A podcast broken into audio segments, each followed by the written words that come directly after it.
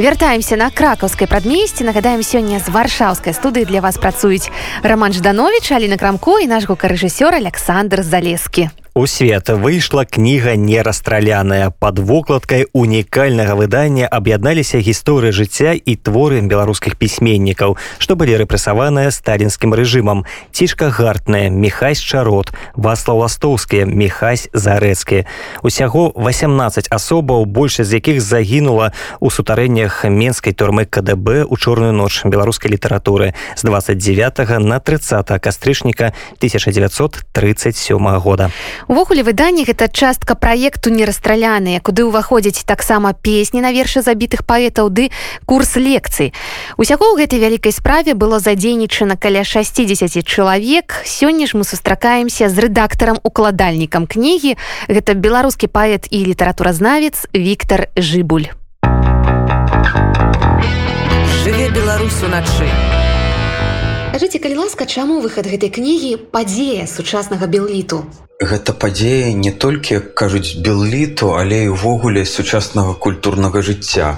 Бо на пачатку у Сергея будкіна з'явілася ідэя прапанаваць сучасным музыкам стварыць песні на словы рэпрэсаваных паэтаў а даследчыкам прачытаць пра іх адкрытыя лекцыі. Мерапрыемствы што праходзілі ў рамках праекту выклікалі заўважную зацікаўленасць у грамадстве. Публіка актыўна наведвала і канцэрты і лекцыі у фейсбуку з'явілі з'явіліся старонкі прысвечаныя паэтам і натуральна што ўсё гэта прасілася быць аформленым як у асобны аўдыоальбом або электронны ресурс так і ў папяровую кнігу мяркую што дзякуючы кнізе і праекту многія проста не будуць ужо ўяўляць культурнага кантэксту без прадстаўленых у ёй асобаў варта зрабіць і такое удакладненне.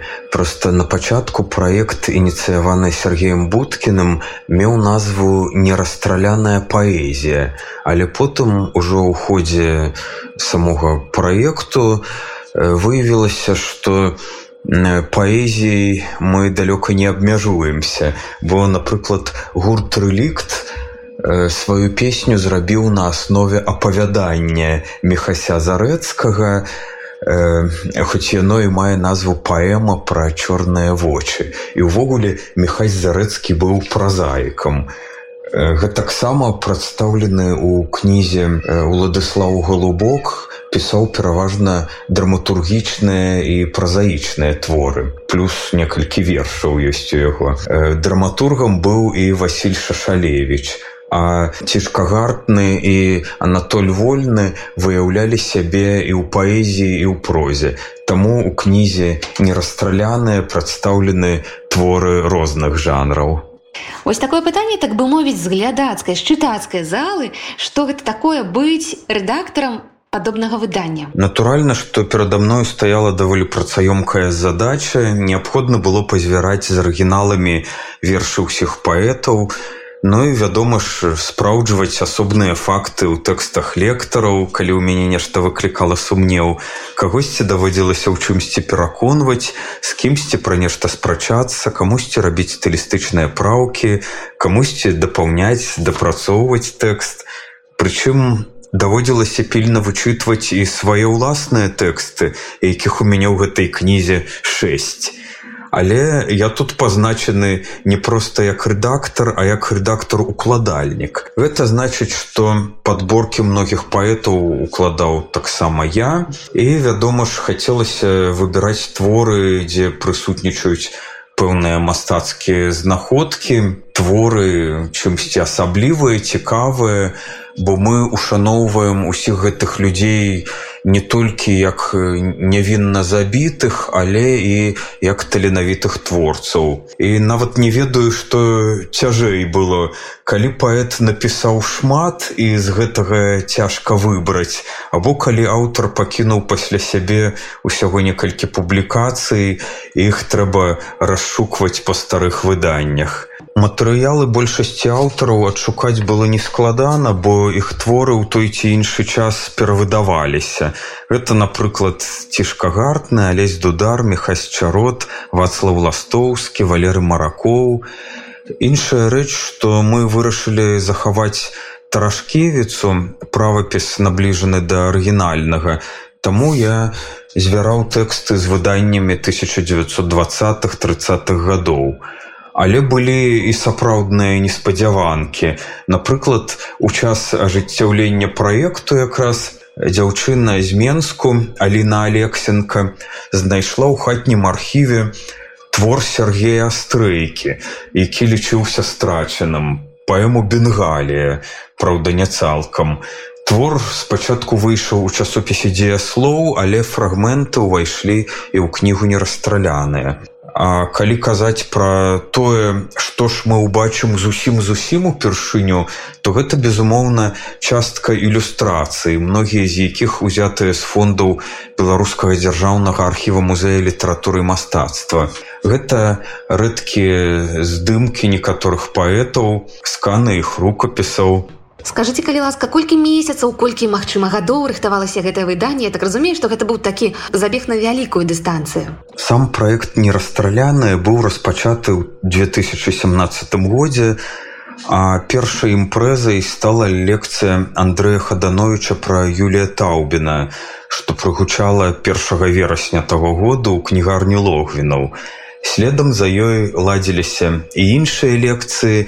І вось у працэсе ўсяго гэтага выкрысталізоўвалася ідэя аб'яднаць усе матэрыялы лекцыі і выбраныя вершы паэтаў у адну кнігу. Але праца непасрэдна над кнігай адбывалася цягам 2018-20 гадоў з перапынкамі. І такім чынам на ўсё разам улічваючы збор тэкстаў рэдактуру некалькі варыянтаў вёрсткі пайшло каля двух гадоў ці магла б беларуская літаратура беларуская культура скіравацца ў іншае рэчышча быць зусім іншай каб мне гэта страшная жахлівая жудасная чорная ноч беларускай літаратуры так я з гэтым магу пагадзіцца калі б не былі забітыя і працягвалі працаваць у літаратуры Юлі Таўбін, Алесь Дудар, Тодар кляшторны, валеры маракоў, мойша кульбак і іншыя.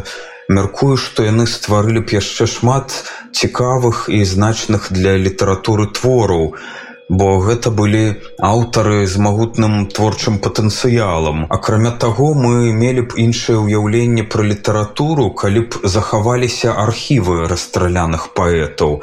А большасць асабістых архіваў, на жаль, была знішчана неўзабаве пасля знішчэння саміх творцаў. Як увогуле пражывалася і перажывалася потым праца над гэтай кнігай, якімі думкамі, якімі ўласнымі паэтычнымі старонкамі яна адгукалася. І псіхолагі і літаратуразнаўцы сыходзяцца на думцы, што чытач падчас чытання кнігі схільны атаясамліваць сябе з яе героем. А тут атрымліваецца, што чытач яшчэ і рэдактар, а таму мусіць учытвацца ва ўсё ўдвая больш пільна. А герой кнігі рэальны творца таленавіты поўны надзеі плянаў на будучыню але ў выніку зняволены і забіты і таких лёсаў у кнізе 18 вядома ж адчуванні вельмі няпростыя калі рэдагуеш такое. Але з іншага боку калі напрыклад працаваў над уласнымі артыкуламі калі яшчэ рыхтаваў лекцыі то як літаратуразнаўцу мяне ахопліваў сапраўдны даследчыцкі азарт. Мяне паглынала гэтая стыхія эстэтыкі двадцатых тридцатых і імкненне расследаваць таямніцы раскрываць загадкі біяграфіі і творчасці паэтаў пра якіх я пісаў. Бо сёння паэты пішуць ужо інакш. Можна сказаць што на хвалі праекту не расстраляныя і я і яшчэ некаторыя лектары натхніліся на іншыя паралельныя на праекты выдавецкія таксама. Напрыклад Андрей хаданович уклаў кнігу Юлія таўбіна Ганна свярынец уклала кнігу алеся дудара а я уклаў кнігу юркі лявоннага якая выйшла і Сергея астрыйкі якая ось цяпер рыхтуецца да друку. Чаму гэтая кніга павінна стаяць на палічцы ў кожнага сучаснага беларуса? У кожнага беларуса свае літаратурныя густы свая бібліятэка і свой набор кніг у ёй.